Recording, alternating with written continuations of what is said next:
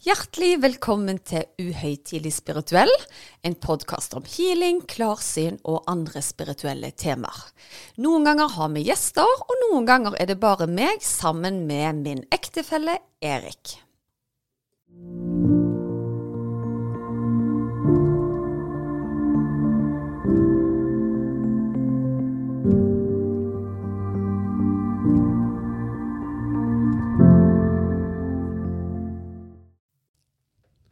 Ja, Susanne, da var vi tilbake igjen fra vinterferie.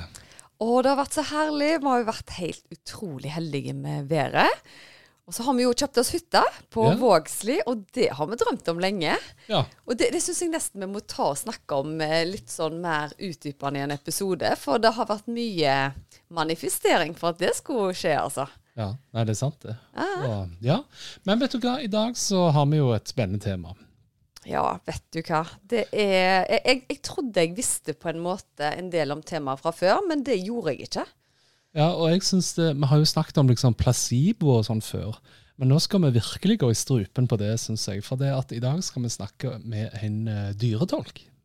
Og det er så sinnssykt kult. Og jeg har jo erfaring med å kjenne eh, fysisk på kroppen om et dyr har vondt et sted. Og jeg får gjerne informasjon om dyret, da.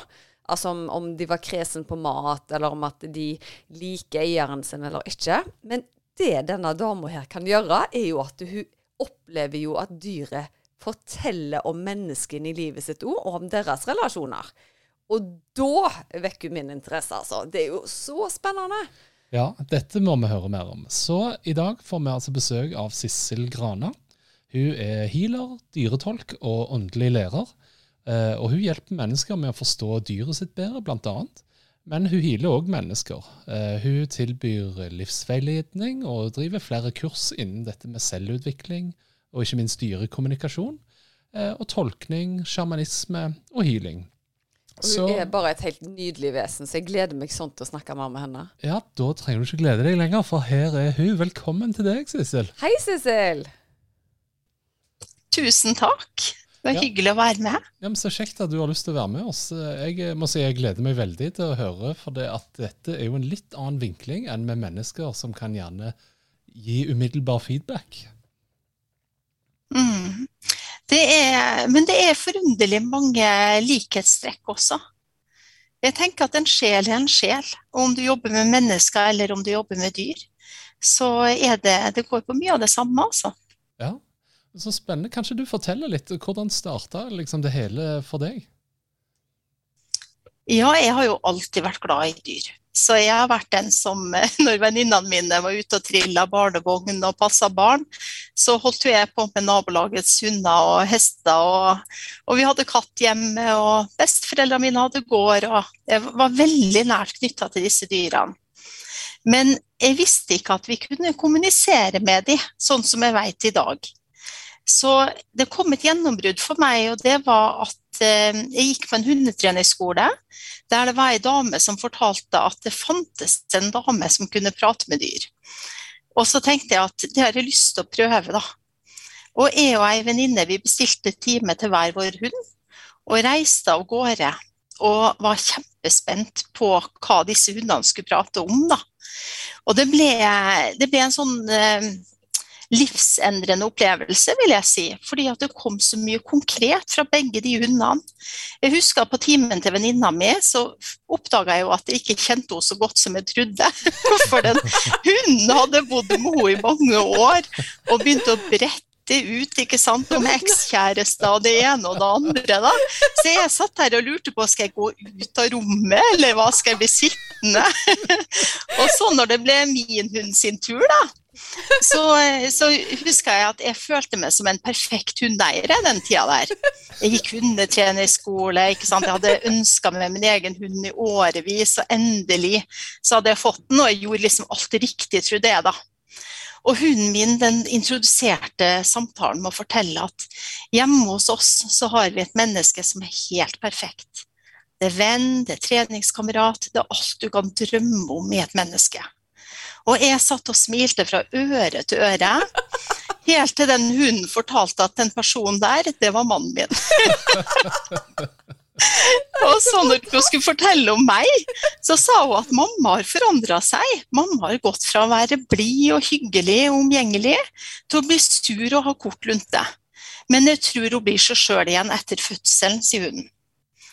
Og hadde vi ikke trodd på dyrekommunikasjon før, så gjorde vi det i hvert fall da. Fordi at de her første tre månedene av det svangerskapet hadde ikke gått ennå. Så det var jo en hemmelighet at jeg var gravid.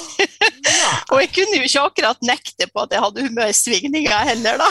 Etter å ha fått det så tydelig presentert. Så det, det var en sånn fantastisk uh, opplevelse, altså.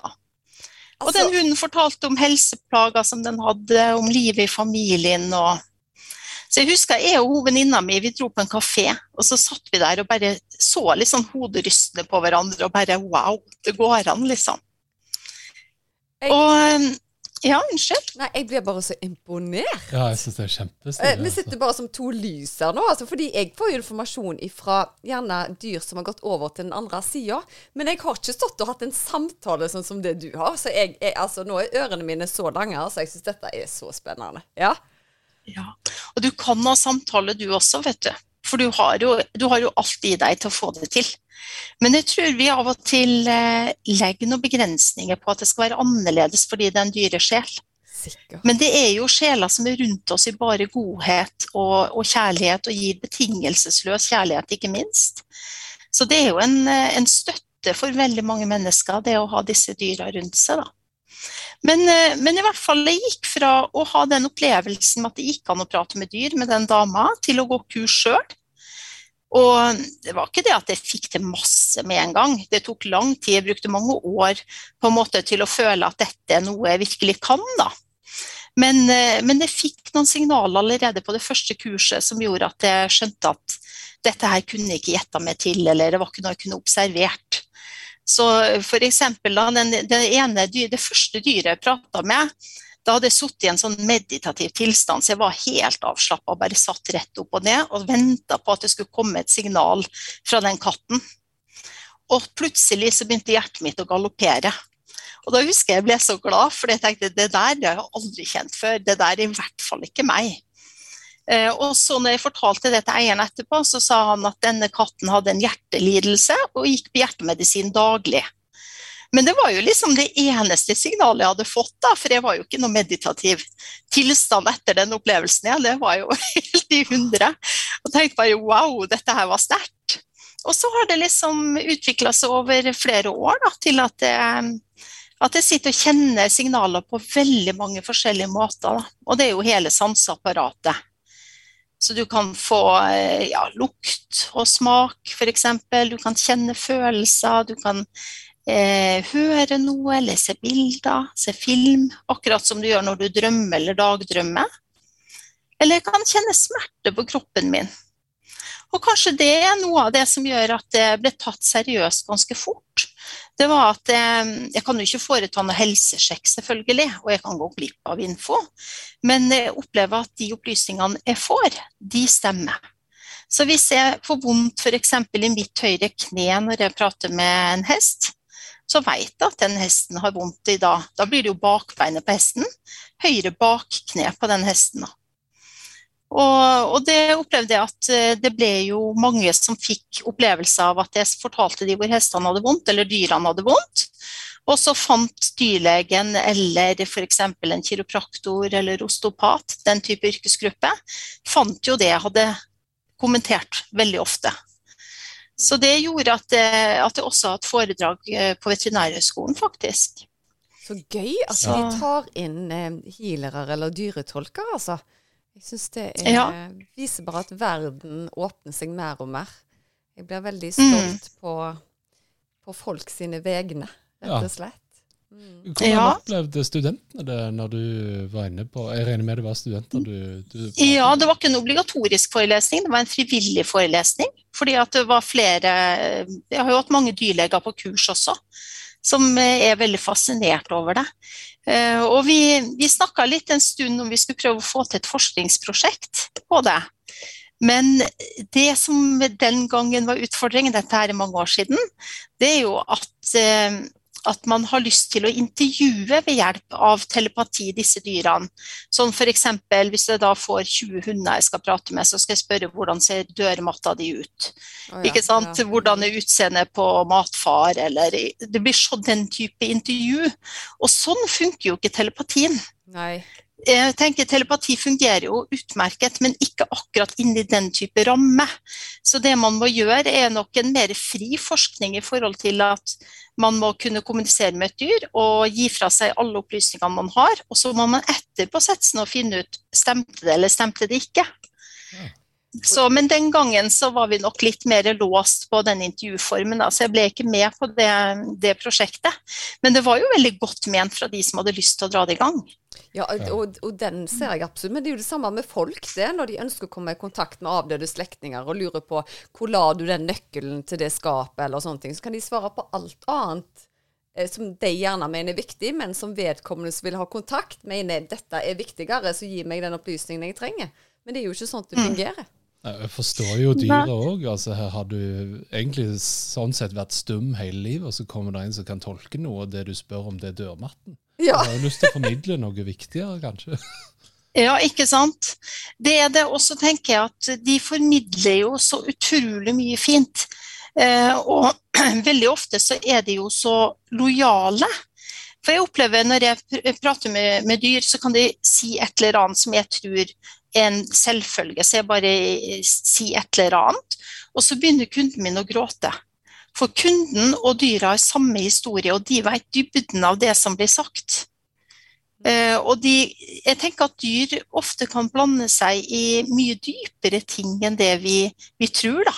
Så mange av mine kunder de kommer og tror at hunden skal prate om hva slags mat den har, og hvordan liggeplassen har, og hvordan treninga går. og så kanskje den forteller meg heller at uh, vet du at barn i familien vår blir mobba på skolen, liksom. Det barnet vårt må få hjelp. Og det er mange barn som har fått hjelp, ikke sant? fordi at de forteller jo alt til dyret sitt. Og så når dyret da får en stemme, så, så er kanskje det viktigere å fortelle om enn fargen på dørmatta. Mm. Jeg syns det er kjempefascinerende, ja. altså. Ja. Vilt sagt. Ja. Men, eh, men, du kan både Altså, du hjelper både mennesker og dyr, eller er det primært uh, dyr du har evner å tolke? Det er kanskje dyr jeg har blitt kjent for at jeg jobber med. Uh, men, uh, men, jeg har kanskje endra meg i løpet av de årene jeg har jobba, til at jeg jobber mye friere. Når jeg starta med dette her, så, eh, så, var det viktig for meg å bli tatt seriøst også. Det skal ikke, skal ikke slå under en stol, det. Eh, så, så da, var det, da, var jeg veldig, sånn, eh, veldig nøye, og jeg hadde egentlig litt mer kontroll på den prosessen, hva, hva slags info jeg ville ha. Hvis, det var jo vanskelig i begynnelsen å si at jeg kunne prate med døde dyr også det var stort nok og vanskelig for folk å forstå at du kunne prate med et levende dyr. Så hvis du liksom kom og sa at du kan prate med en som er død også, og det gjør faktisk ingenting om, bor, om dyret bor i Paris, eller om dyret er i dette rommet ved siden av meg. Ikke sant? Så jeg måtte ta ting litt gradvis, da. Så det har jo tatt år før jeg på en måte tør å snakke så fritt som jeg gjør nå. Men, ehm, men det, er, det er en ufattelig spennende jobb, altså. Så etter hvert så har jeg sluppet meg mer fri, og så tenker jeg at det kommer de opplysningene som skal komme. Og noen ganger har kanskje folk bestilt time til dyret sitt, og så skjønner jeg når timen begynner at det de egentlig trengte, var å få kontakt med sin avdøde bestemor. Så kommer hun inn med de fantastiske beskjedene, eller at de, at de får mer en utvikling sjøl. At dyret kanskje kommer litt mer i bakgrunnen enkelte ganger. Men så hadde det skjedd de første årene jeg jobba, så hadde jeg jo syntes at det var ubehagelig. For da hadde jeg mer kontrollbehov da, enn jeg har nå. Nå har jeg lært meg til en blind tillit, egentlig. Jeg får det jeg skal få. Og det må vi jo si at vi kjenner oss i, i hvert fall jeg, veldig mye. Og det har jo vært en prosess det er jo bare det å tørre å snakke om disse tingene på podkast nå. Det var jo litt av grunnen til at vi starta det. Fordi eh, en har på en måte behov, i hvert fall som meg og deg har vært inne på, at vi eh, har en akademisk utdannelse, vi vil bli fremstilt som jorda og fornuftige, og gjerne ikke høytsvevende at jeg ikke har kontakt med omverdenen, f.eks., som vanlige folk har. Ja. Så for meg har det vært et sånn skritt om gangen for oss å tørre å gi uttrykk for alle mine opplevelser, da. Og da har jo den tilbakemeldingen fra lytteren vært så utrolig unik og så givende for å tørre å fortsette å dele.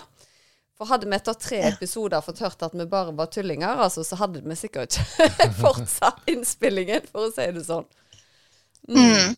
Men det, svakheten vår blir jo at hvis vi prater om så dype ting som det her, så er det jo ikke noe problem å ta bruddstykker av dette her og presentere det rart.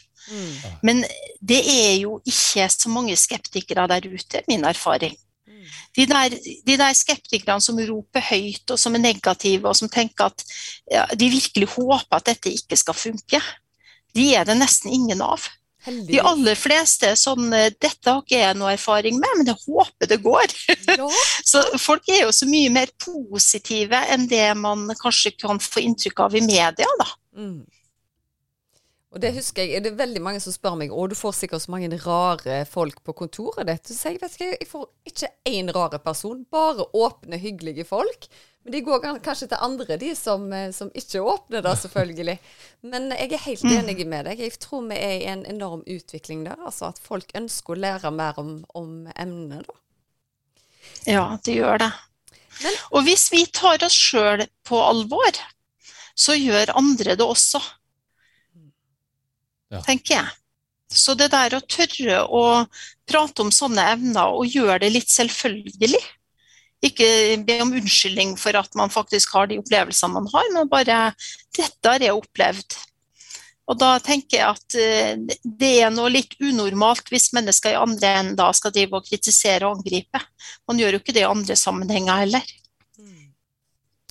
Hva, hva råd gir du til de som kommer med dyr hvor det gjerne er en konflikt? Altså at de, de, føler de ikke forstår dyrene sine, og gjerne motsatt. Kan, det er helt sikkert noen som kommer ja. til deg og sier at å, hunden min er vrang og vanskelig og alt dette her, og så, så har gjerne ja. du en helt annen forklaring. Ja, og det er jo det som er så fantastisk med dyrekommunikasjon. da. Fordi at jeg er utdanna hundetrener og rideinstruktør også. Og når jeg jobba med dyr på den måten, og man hadde problem, så, så, begynner man ofte i en ende, ikke sant. For å løse et problem så prøver man det ene først, og så kanskje ikke det fungerte, så prøver man en ny metodikk. Men styrken til dyrekommunikasjon er at i veldig mange sammenhenger så kan du gå rett på årsak. Så hvis du f.eks. har en hund som knurrer og er sint, da, eller har bitt, eh, så kan du ved hjelp av kommunikasjon finne ut litt mer hvorfor. Eh, og vi tenker alltid at en hund som har bitt, er aggressiv, den kan vi ikke stole på osv. Jeg har pratet med mange av de som er så misforstått, eller som går med kroniske smerter, eller som er syke. Og som blir sånn som vi mennesker kanskje blir når vi går og har vondt hver dag. blir sur og irritert og får kort lunte, og, og bruker kanskje ikke all verdens tid før man sier fra. da. Så det er massevis av dyr som får hjelp med atferdsproblemer via dette her. Eller katter f.eks. som de begynner plutselig å tisse inne rundt omkring. Kanskje i sofaen eller på teppet eller sånn, og de har alltid gjort det ute eller i dokassen tidligere. Da kan det være mange årsaker til det. F.eks. at noe i familien har endra seg. Kanskje du har fått en ny samboer som ikke falt i smak hos dyret. Eller kanskje den er sjuk, eller den går med smerter, eller den har noe urinveistematikk. Så det kan være mye, da. Så, men jeg føler litt at min jobb blir et supplement til dyrlege. Så jeg føler at vi er to yrkesgrupper som, eh, som kan gå som hånd i hanske, egentlig. Ja. Og det er vel ofte det du sier med healing av mennesker òg, holdt jeg på å si. Mm. Altså det, det, er jo ikke det at du skal kutte ut den medisinske kompetansen, men eh, Nei, jeg, jeg er helt enig i alt du sier. Og jeg har jo faktisk litt erfaring med å heale dyra, selv om ikke jeg har prioritert, eh, prioritert det, det, mest. Og jeg var jo faktisk hjemme hos noen for noen år siden som hadde en katt som hadde vært kjempesosial og ute, sånn skikkelig utekatt, og nekta plent å gå utforbi døra plutselig. Så jeg kommer nå inn der, og den katten var liksom begynte å nærme seg meg, og de vet bare her, han er blitt helt asosial, liksom. Jeg bare, ja, jeg strøyk litt på han, og så gikk han bort til døra, og så hoppet han ut. Og da hadde han ikke vært ute på år, altså. Og da følte jeg liksom ikke at jeg hilte heller. Jeg følte egentlig bare at eh, som du sa, det, det, skjedde en form for kommunikasjon. At litt sånn at dette er trygt. Det er trygt for deg å gå ut, og så gikk det, det fint. Uten at jeg har noen forklaring på, på, hva som skjedde der og da, altså. Ja, men det er fascinerende. Mm. Og dyr elsker jo ofte eh, mennesker som har disse evnene. Jeg har jo opplevd mange ganger at kunden ikke vil gå, ikke sant. At de prøver å få med seg hunden sin ut. Der hadde oppmøtetimer, og hun nekter å gå. Og det er kanskje litt sånn som vi hadde opplevd hvis vi på en måte hadde levd blant noen som snakka et språk som vi ikke skjønte, og så endelig så møter du en nordmann, ikke sant. Ja. Eller en du kan snakke engelsk med. ikke sant? Du har lyst til å, å grebe tak i den og, og holde på den relasjonen. Så har jo så... du en nydelig energi, da, så jeg skjønner jo at de klamrer seg til det rommet. Det hadde sikkert jeg òg gjort, og jeg er ikke hund, for å si det sånn. Gi meg mer av siste. Tusen takk. så det skjønner jeg kjempegodt, altså. Eh, men hvor mange år er det du har holdt på nå som dyretolk? Det, det, det, du, jeg, ja, jeg, jeg, var jo gravid da med første sønnen min. Han er jo snart 18, han da. Eh, så jeg var gravid når jeg, på en måte evnene åpna seg, når jeg møtte den dyretolken og gikk kurs osv. Men det tok ikke så lang tid før jeg hadde det som levebrød. Så eh, jeg har vel levd av det siden 2007. Og Den gangen jobba jeg som avdelingsleder i en, en skole, for jeg er spesialpedagog. Og så så jeg at jeg hadde ikke tid etter den siste mammapermisjonen min til to jobber, for da hadde jeg så lange ventelister på dyrekommunikasjon. Og så ba jeg om permisjon et år, og så har jeg levd av det siden da. Men, men, det er jo ikke sånn at jeg på en måte lærte det helt bare når jeg, jeg gikk det kurset heller, eller alle de kursene. Det var jo egentlig mer en sånn følelse av å finne fram til noen evner som jeg alltid har hatt. Så ja, det kurset som jeg gikk, og den katten med den hjertelidelsen og det, det, det var på en måte det som fasiliterte at jeg oppdaga evnene mine. Men det, når jeg tenker bakover i tid, i barndommen min, og også når jeg jobba som rideinstruktør, så har jeg jo brukt de evnene bestandig. Og kanskje, kanskje det er litt det som gjorde at jeg lykkes godt som spesialpedagog også, med mennesker, da. Eh, fordi at eh, jeg tror at man intuitivt skjønner litt mer av hva de har behov for. Eller hvorfor de oppfører seg som de gjør, også mennesker. Så jeg tenker at dette her er noe evne jeg har hatt med meg hele livet. da. Det, det, høres jo sånn ut, absolutt. I hvert fall siden du hadde dyretekkes fra du var, var veldig ung. Men, men jeg forsto det sånn at du tenker at egentlig alle dyr er like lette å kommunisere med, eller er det, har du noen eh, favoritter, sånn som hest og hund og katt? Eller kan noen, noen komme med en hamster ja. til deg, eller marsvin? Ja, altså du kan komme med hvilke dyr som helst. Man bikker jo en eller annen grense der man lurer på uh, hvordan blir det på sjeleplan. F.eks. Uh, så hadde jeg en kursdeltaker nå som uh, har mange bikuber og produserer honning. Oi. og da tror vi til og kommuniserte med biene i den ene kuben på kurs. Og jeg har tidligere også hatt en, eh, en deltaker som hadde noen edderkopper. Og det er jo sånne dyr som de fleste kursdeltakerne mine syns er litt sånn creepy, ikke sant? Ja, ja. og så kommuniserer vi da med en sånn stor edderkopp, og så opplever alle at vi bare elsker den etterpå. Fordi at eh, det er et eller annet med at dyrekommunikasjon gir deg en mulighet til å se eh, bakenfor utseendet, bakenfor kroppen. Og vi mennesker vi, vi liker jo en sånn der, eh, et hierarki, da, en sånn, la oss si en pyramide, ikke sant? Mm. på utvikling. Og da tenker vi jo hvem er på toppen? Selvfølgelig mennesket, ikke sant. Vi er høyest utvikla. og så kanskje du får noe delfin og noe elefant og noe hest og sånn under der, og så enda lenger ned så kommer liksom sånn Og langt ned så kommer jo mus og rotte og Ikke sant. Vi, vi har den der hierarkiske tenkninga mens jeg tenker ikke sånn. Jeg tenker at en sjel er en sjel. Men selvfølgelig vil den kroppen du har, gi deg en del muligheter og en del begrensninger. Men for meg er det ikke en mer avansert sjel i en delfin enn det kan være i en mus.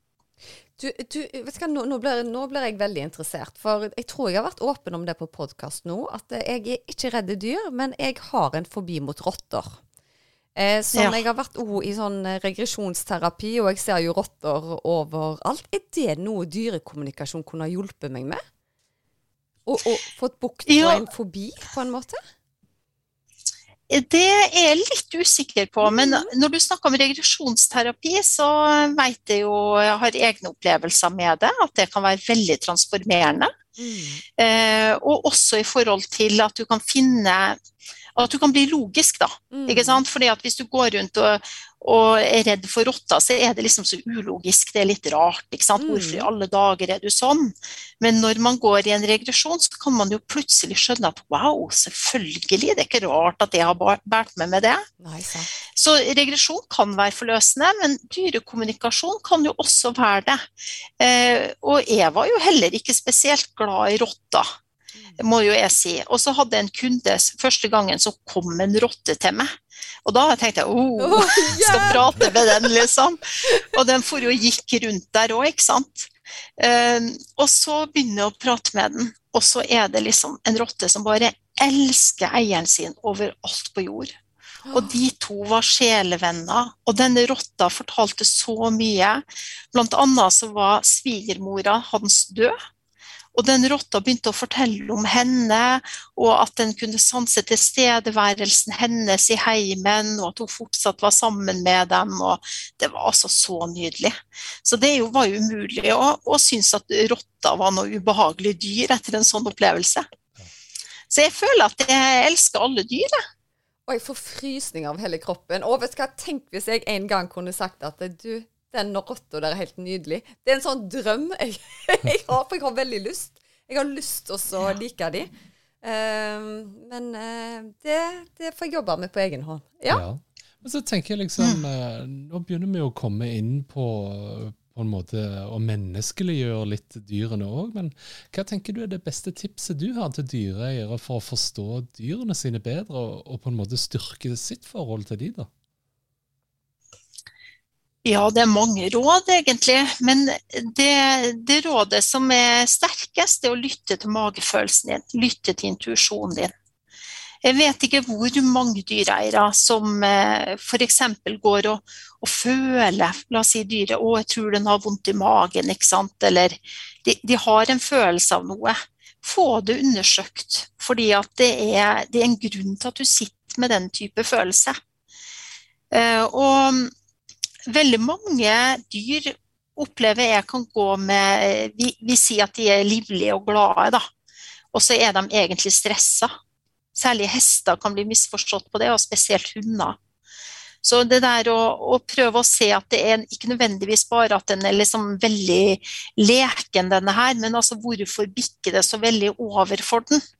Eh, og da går det jo an å få hjelp av mer tradisjonelle trenere, hundetrenere, hestetrenere, eller en dyretolk, som kan finne litt mer årsaken. Og det er jo mange dyr som på en måte har endra fullstendig atferd. Jeg skulle til å si etter en time da, med dyretolk, men, men ikke minst eh, før. Eh, jeg vet ikke hvor mange kunder jeg har hatt som har avbestilt timen, særlig i perioder der jeg har hatt venteliste. Og så bestiller de en time, la oss si dyret tisser inne, eller eh, de har noe atferdsproblem med dyret sitt. Og så bestiller de timen, og vips, så slutter dyret med den atferden. Og så tenker de at ja, men nå trenger vi jo ikke noe time. så avbestiller de timen, og så er det på'n igjen. Så dyr er jo intelligente når de vet at de skal få hjelp. Så eh, tenker jeg at de, da er det jo ikke nødvendig å gå rundt med den problematferden. Når de vet at hjelpa er rett rundt hjørnet, forhåpentligvis. da. Ja. Wow. Ja, jeg syns det er kjempespennende.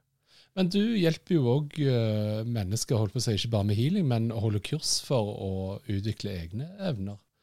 Eh, Mm. hvordan, eh, har du noen gode tips på hvordan vi kan gjøre det? Altså Hvis vi har hatt en eh, episode her som vi kalte 'Hvordan blir vi mer spirituelle'? Å ja, det er spennende. Ja, er det Ja, sånn- jeg tenker, jeg tenker jo at problemet vårt, da eh, Det er hovedsakelig at vi er slusa inn i, en, i et konkurransesamfunn fra vi er små. eh, og vi er veldig opptatt av prestasjon. Sånn at hvis, eh, hvis vi f.eks. hadde hatt et dyr på podkasten, at dere bare poppa opp med et eller annet dyr på skjermen, og så hadde jeg tenkt at wow, nå skal jeg imponere dere i senk. Nå skal jeg prate med det dyret, og dere skal bli imponert, og lytterne våre skal bli imponert. Da hadde jo ikke fått å prate med det dyret. Da hadde det bare blitt feil, ikke sant? Fordi at du må gjøre det motsatte av prestasjon for å lykkes med dette her. Du må inn i en tilstand av indre ro, en meditativ tilstand, og så må du bare sitte og vente på hva du får av signaler. Og når jeg underviser på kurs, f.eks. det forrige kurset jeg hadde, så var det ei som sa på kurset at uh, hun prata om en katt. Og så sier hun til eieren er den veldig spretten, den katten din? Nei, det, det syns ikke eieren at den var, da. Og så sier hun ja, du skjønner, jeg så at den tok, eh, tok en salto i lufta, sier hun. Og så sier eieren at å, vet du, den, denne katten har to navn. Jeg ga deg bare det første navnet, men den har salto, det er navn nummer to på så, så det, man kan få symboler, ikke sant. Man vet ikke alltid når er det konkret, og når er det et symbol. Hadde... Så eh, det er jo utrolig gøy, da, tenker jeg, å utvikle disse evnene. Og så er bedre livskvalitet og mer indre ro, og at du håndterer livet på en annen måte, en av konsekvensene av det, føler jeg da. Ja. Jeg må jo si at uh, jeg har jo uh, vært litt sånn stuntreporter av og til uh, når vi har hatt forskjellige tema. Og dette har jo leda meg til å ha f.eks. kurs da innenfor spiritualitet osv. Så, videre. så tenkte jeg liksom før vi skulle ha besøk av deg, da, så tenkte jeg kanskje jeg skal prøve dette her på et dyr. Så jeg gikk en liten tur uh, for en tid tilbake, og så gikk der en hundeeier forbi med hunden i bånd. Så -hmm. stoppet jeg opp, og så uh, har jeg lært da, at jeg skal ta akkurat som et teppe bak hodet på personen, og så dra vedkommende nærmere og nærmere uh, meg sjøl. Så visualiserte jeg det med den hunden som kom, og så sa jeg til meg sjøl da Se på meg. Og så sikta han. Og så sikta han vekk. Og så gjorde jeg det tre ganger, og han kikket hver eneste gang. Ja, der ser du. Mm. det var ganske fascinerende. Ja, du har fortalt meg om ja. det. ja. Og da ja. tenkte jeg oi, det For akademikeren fikk bekreftelsen sin for tre ganger. Den hadde du ikke faka, på en måte. Og det syns jeg var Nei. veldig stas. Og men du, det gikk på en måte hunden foran deg, da? Og så kom du bak, og så stoppet han og eh, snudde seg? Eller? Ja, jeg var bak, og så snudde han seg tre ganger. Så kikket han bak Akkurat seg. Akkurat når du og... sa 'se på meg'. Ja, å, det er kult. Ja. ja. Ja, det er fantastisk. Og, og, i hvert fall i starten så vil du oppleve å få liksom full pott på den type ting. Fordi at dyrene har jo lyst til å gi, være med å gi deg de bekreftelsene du, du vil ha, da. Men det jeg opplever når jeg får jobbe med kursdeltakere over tid, da kommer de til et punkt der ikke nødvendigvis det funker sånn. Da må man på en måte gå enda videre eller enda dypere, eller hva vi skal si. Men jeg husker jo når jeg var ny med dyrekommunikasjon også, så er det jo utrolig deilig de gangene du kan få noen fysiske bevis eller noen fysiske tegn. Og den ene gangen så var vi på en brygge som var helt, den var helt sånn teppelagt av måker. Og så var det én måke som skilte seg så veldig ut, for den var sånn kritthvit i farven. Og av alle måkene så bare fokuserte jeg på den ene som skilte seg ut. Og så spurte han kan du være så snill å gi meg en flyveoppvisning. Og så fortalte jo mannen min dette der òg, at jeg ber akkurat den måken om det. Og alle måkene sitter på brygga én måke lette, det er min måke, og så opp i lufta med sånn ordentlig akrobatikk. Og så satte han seg på et bryggetak etter en god stund, og så spurte han kan du være så snill å gi meg én flyveoppvisning til. Og så kommer han igjen. Så landa han på brygga etter en stund. Så det er jo så fantastisk de gangene du får den type bekreftelse, for vi trenger jo det òg. Det er jo kjempekult. Du vet hva, jeg har gått, ja, det er veldig herlig. mye. Altså, jeg har konsentrert meg om mennesker, og så er det dyr. Du, du, du kan ikke spørre et menneske om de kan ta en oppvisning på Nei, vet du hva, dette her høres gøy ut, altså. Ja. Fantastisk. Du, jeg hadde faktisk en, en episode nå nylig hvor en um, pasient av meg har nettopp mista hunden sin. Og da kom denne hunden gjennom eh, til meg, og så sier jeg til denne dama at det var, var denne hunden veldig kresen i maten. Så ja, jo, han var jo der, hadde noe sånn spesialfôr og sånne ting. Og så sier hun til meg nei, nei, jeg snakker om bananene. Og han holdt på å kaste opp av bananer. Så tenkte jeg, kan jeg si det, da? Ingen som sier hunder bananer. Så sier jeg nei, for han sier til meg at han ikke var så glad i bananer. Og så holdt du på å le seg i hjel, for det flomma jo over av bananer hjemme hos de. De er en sånn bananfamilie som har liksom hele kjøkkenet med bananer. Og så utpå her likte ikke hun den. Han kunne ikke fordra lukta av det. Tenkte jeg skulle bare nevne, nevne det. Men det er jo litt morsomt å få sånne, for det er kanskje ikke det som er veldig typisk at folk har på kjøkkenet. Eller det kan jo være det, da. Ja. Ja. Ja, men det er, jo da, er jo da man vet at man har hatt kontakt. ja, sant? Ikke sant? Når du får sånne spesifikke ting, og det er jo det Mhm. som er så deilig, for da, det er jo da man greier å bli litt sjølsikker også i dette her. Mm. Eh, og tørre å si rare ting, f.eks. å prate om banan da, i forhold til at hunden skal ha mat. ikke sant? Ja, sant. Det, ja. det er jo ikke helt logisk. Nei, det er ikke det. Så, eh, så det er jo det er knallbra, tenker jeg da. Men jeg får begynne å, å bli tøffere med å på en måte prøve å snakke med dyr som er i live. For jeg får veldig enkelt informasjon fra de dyrene som er døde, men jeg har liksom ikke tenkt at det, det kunne jeg gjøre. Altså, jeg kjenner fort på kroppen hvor de har vondt, men det å få en samtale, det er det som fascinerer meg.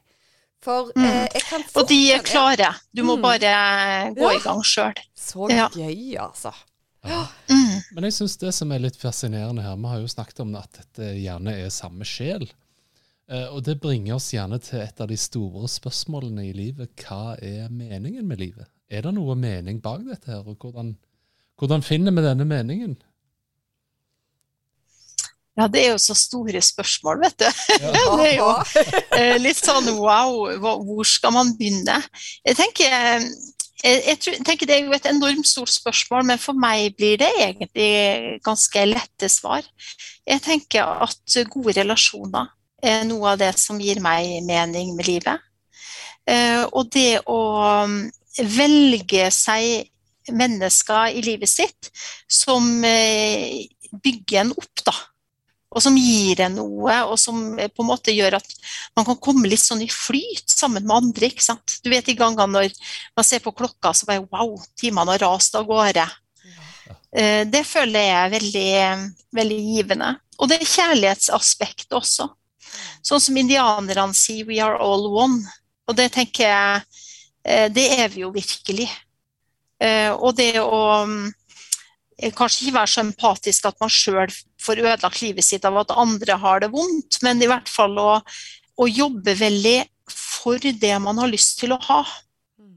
Ikke jobbe mot noe. Jeg husker Moder Teresa sa vel et eller annet om det en gang, at hun ikke ville delta i noen sånn antikrigdemonstrasjon. Men eh, bare kontakt med når, eh, når det er for fred. Da kommer jeg. Ja. Eh, Og det, det føler jeg også fordi at vi velger oss veldig ofte å kjempe mot noe. Eh, Og jeg føler at energimessig eh, så er det ikke så veldig stor forskjell på noen som på en måte er, er, er la oss si en rasist og en antirasist. Det er ikke nødvendigvis at den ene energien er utrolig dårlig, den andre er veldig mye bedre.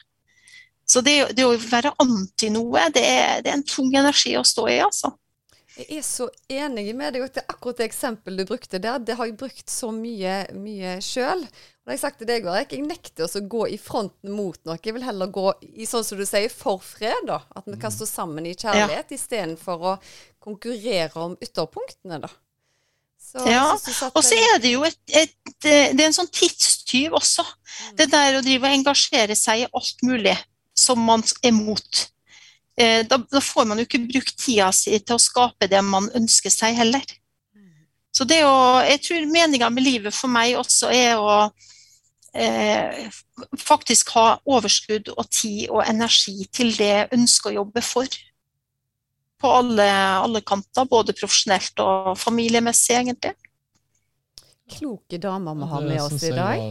Nydelig sagt. Eh, Du, jeg blir litt nysgjerrig på dette med, med sjel og dyr. Eh, og det er det sikkert mange andre som lurer på òg. Eh, har du opplevd at en, f.eks. en hundesjel har vært et annet dyr tidligere? Er det noe som du noen gang har fått noe informasjon om? Ja, mange ganger. Ja, så gøy. Og, um, og igjen så kommer vi tilbake til det hierarkiet vet du, med eh, menneskesjel, ikke sant? eller hundesjel, kattesjel osv. Eh, og jeg tenker at vi faktisk kan veksle og være det du vil. Eh, så jeg tror vi, vi kan velge kropp friere da, enn det som, eh, som, kanskje mange andre tror. Det er jo ikke noe som jeg sitter med noe fasit på, men det er i hvert fall min erfaring. Så jeg har opplevd eh, selvfølgelig, la oss si at noen har hatt en hund for ti år siden, og så har de fått en ny valp, og så er det kanskje samme sjel. Det er ikke så veldig uvanlig. Men men at man også kan veksle og bli andre dyr, eller at man kan komme tilbake som et dyr, det, det har jeg opplevd. Jeg husker en av, de, en av, de, virkelig sterke episodene på det. Det var en, eh, en mor og en bestemor som kanskje ikke hadde vært så veldig snill når hun levde. Eh, vært ganske fæl, egentlig. Fordi hun viste meg at hun slo jo med flat hånd, bl.a. i kinnet på den dattera si. Eh, og hos meg da, nå var jo hun død, og så sitter dattera hennes og barnebarnet hennes og har konsultasjon med meg med en kattunge. Og så, etter en stund, så får jeg bare informasjon om at nå har jeg kommet tilbake som denne kattungen, fordi jeg har så lyst til å være i en situasjon der jeg får oppleve barnebarna mine, og jeg har lyst til å bare kunne gi kjærlighet og bare være god. Vet du hva, Hadde du sett ståpelsen min da? Du kan ikke se den du, men du kan, Erik. Altså, Jeg kjente bare Woo! Så akkurat den uh, historien der, den, den, kjente jeg på hele kroppen. Så jeg er overbevist om at den katten der var henne. Å, jeg kjenner det bare oh. Ja, jeg har det også. Ja, altså, ja, det, og det, det, er jo det som er så gøy med spiritualitet. da, når du når du står fri til å på en måte bare høste erfaringer, og så trekke foreløpige konklusjoner ut ifra det du har erfart så langt, det syns jeg er spennende. I stedet for å på en måte få noe, eh, noe rammer tredd nedover hodet, liksom. Det, sånn er det, sånn skal det være. Så føler jeg veldig at det jeg erfarer og det jeg sanser og det jeg tror på, må være eh, Det må, det må gå hånd i hånd, da. Jeg har enda et spørsmål til deg.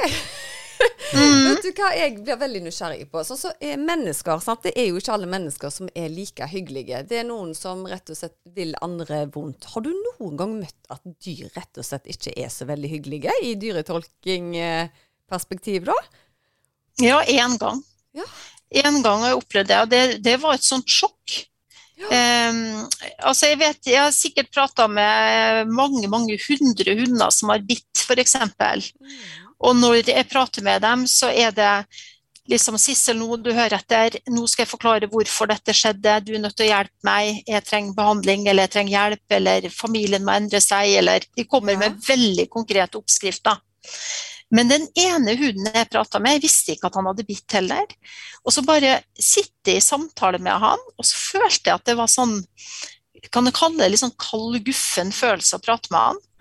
Og så viser, plutselig så ser jeg armen på et menneske som bare er sånn ordentlig bitt. Det var ikke sånn å klype litt, men du vet når du biter og drar så du mm. skaper skikkelige sår.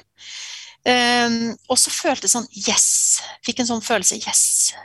Uh, og så fikk jeg se enda flere sånne blodige greier. Uh, og ingen anger, ikke noe sånn det, det syns jeg var helt merkelig. Det er vel en av de få gangene jeg har på en måte anbefalt en avlivning for et dyr som har et avfallsproblem. Det var en, sånn, det var en skremmende opplevelse, altså. Og veldig ulikt. Fordi alle vi som har dyr, vi elsker jo disse dyra fordi at de har en sånn enorm kjærlighetsevne. De elsker så betingelsesløst. Og vi kan gjøre feil med de, ikke sant. Det er jo masse dyreeiere som gjør masse feil med dyra sine. Litt i beste mening, da, kanskje med at du får beskjed av hundetreneren at den må du være streng med eller ta litt, eller Man gjør jo dumme ting, ofte i frustrasjon eller Og de bare tilgir, og de bare elsker deg tilbake igjen. Så det var en eh, merkelig opplevelse med den hunden. Jeg har aldri glemt den. Det er veldig mange år siden, faktisk. For Det syns jeg er helt interessant, fordi at vi kan jo møte som sagt, mennesker hvor du merker at det ikke bor så mye godt. da. Eh, mens ja. dyr tenker du automatisk kun kjærlighet. Det var derfor det var litt viktig å spørre deg om du hadde opplevd det òg. Det hadde vært rart hvis du gjerne aldri hadde opplevd det. Men eh, det Mm. var òg betryggende å høre at det er veldig sjeldent, da. Ja, kjempesjeldent. Ja. Ja, og jeg har jo undra meg mange ganger over den hunden. Hva var det egentlig? Men eh, ja, det føltes ikke godt i hvert fall. Ja, jeg syns det er veldig fascinerende. Altså. Jeg tenker, Nå er vi snart med, med veis ende. Før vi runder av, eh, er det noe du kunne tenke deg å tilføye som du føler du har brent inne med og har lyst til å, å si til lytterne? Nei, jeg tror den viktigste beskjeden er det der som jeg nevnte tidligere. Det må lytte til magefølelsen din. Stol på intuisjonen din. Og så tenker jeg at eh, hvis ikke du, du går i gang sjøl enda med, med din egen utvikling, så gjør det. Folk angrer jo aldri på å begynne med dette her. Og det er jo, vi lærer jo noe nytt av alle dyr vi prater med, tenker jeg. Og hvis ikke så hadde det jo blitt kjedelig. Hvis jeg skulle sittet her eh, på 18. året og liksom alt var rutine, det hadde jo ikke vært noe gøy. Det som er artig, er jo at det er en evig utvikling og det er en evig fascinasjon. da. Og så tror jeg faktisk at eh, det skjer veldig mye positivt med en sjøl når en begynner å bruke de evnene her. Vi blir mindre dømmende, tror jeg. Eh, og vi åpner en større kjærlighetskraft i oss sjøl. Så jeg syns det, det, det gir så mye positivt. Og ikke minst det der å Sånn som jeg hadde kurs nå i helga, så eh, sa jeg på lørdag at det bare går å legge seg når dere er trøtte. Ikke sant? For jeg vet jo at når, vi, når folk jobber med energi, så er det jo mange som, som kanskje legger seg klokka seks eller klokka åtte når de kommer fra kurs, og som sover som en stein hele natta. Uh, og jeg tror at det også handler litt om noe vi trenger i vår vestlige kultur. Vi er så stressa, vi sover dårlig osv. Så, videre. så når vi begynner å jobbe med disse evnene, så tenker jeg at folk finner de finner et eller annet veldig dypt og ekte i seg sjøl. Og det å komme i kontakt med sin egen, sjø, eh, egen sjel er jo så givende. Jo, jeg har aldri møtt noen som, eh, som ønsker seg en annen sjel. Når du kjenner din egen sjel, så er du jo bare så fornøyd. For det er jo bare en sånn utrolig god, fantastisk kilde alle har inni seg sjøl.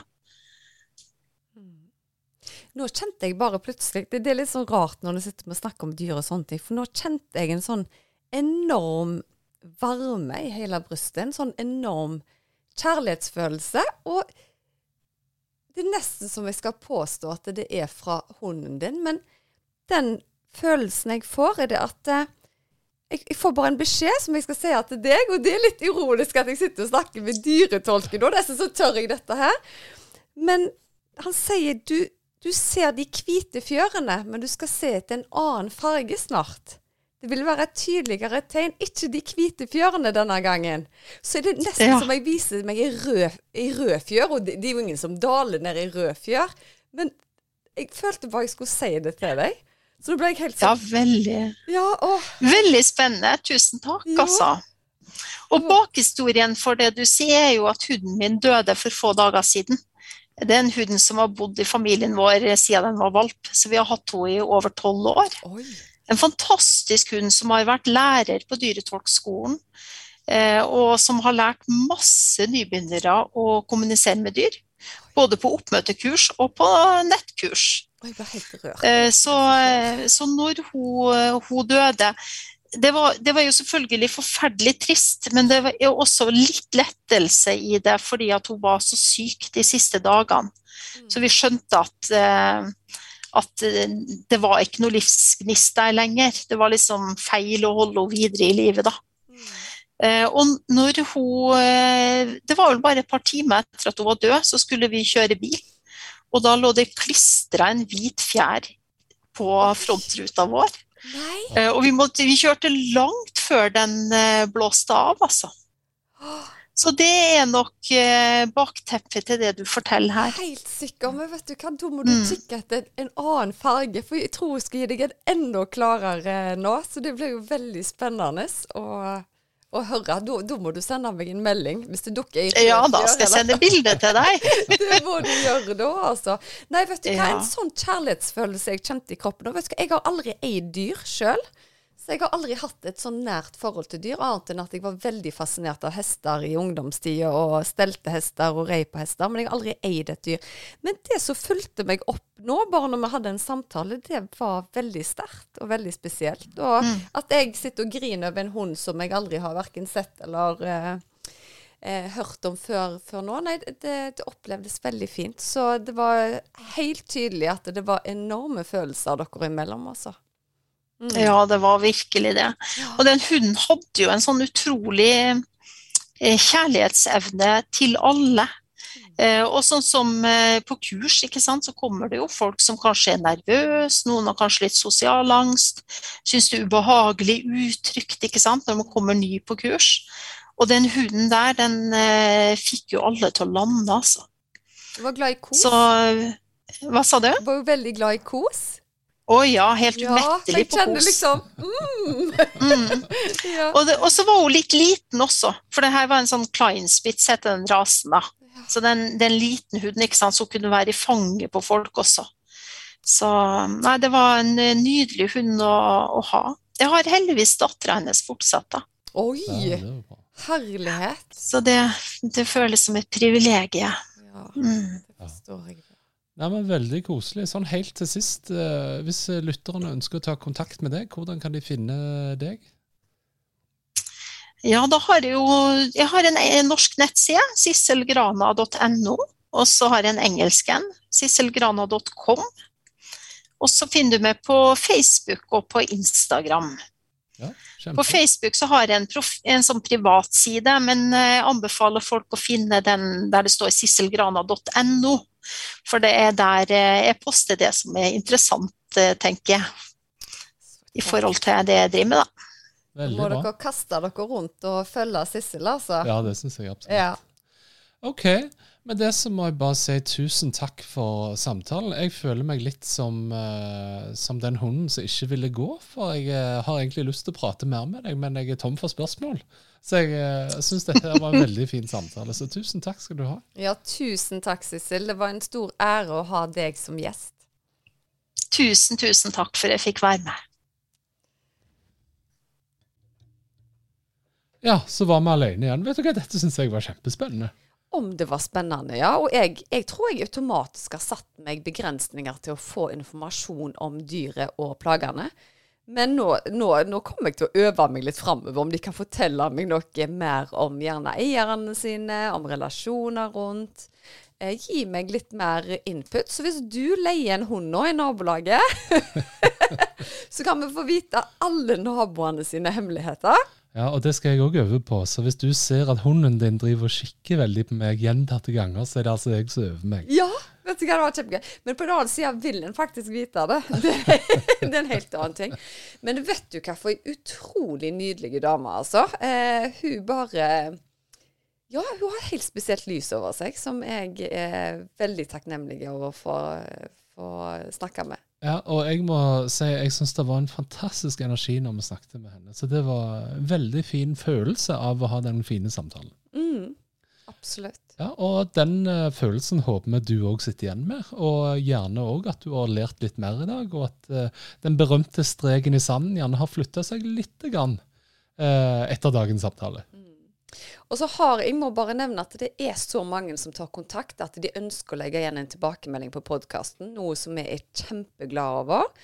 Eh, men jeg forstår at det er litt utfordringer, så noen telefoner ser ut til å ha litt problemer. Så gå gjerne inn på en datamaskin og gjør det. Og da er det trykk på Healer Susanne, trykk videre på podkast, så står det en link, gi en tilbakemelding. Og da må du scrolle deg ned forbi de andre tilbakemeldingene. Veldig bra. OK, da tenker jeg vi runder av for i dag. Tusen takk for at du hørte på. Ha det! Ha det. Ha det. Vi opplever for tiden at det er mange som har spesielle opplevelser i forbindelse med å høre på podkasten vår.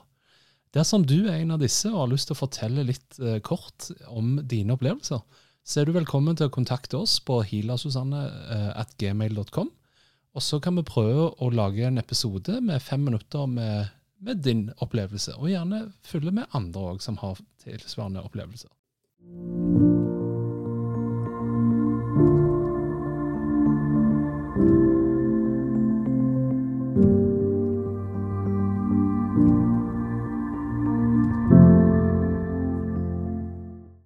Visste du at du kunne ta kontakt med meg hvis du ønsker å få satt opp en personlig healingplan? Da er det bare å kontakte meg via Instagram eller på e-post, så gjør jeg det helt kostnadsfritt. Da er det mye lettere å vite hvilken healing du skal velge, til hva tid du skal bruke den, og for hvor mange uker du bør benytte deg av dem. Gå inn på healersusanne.com.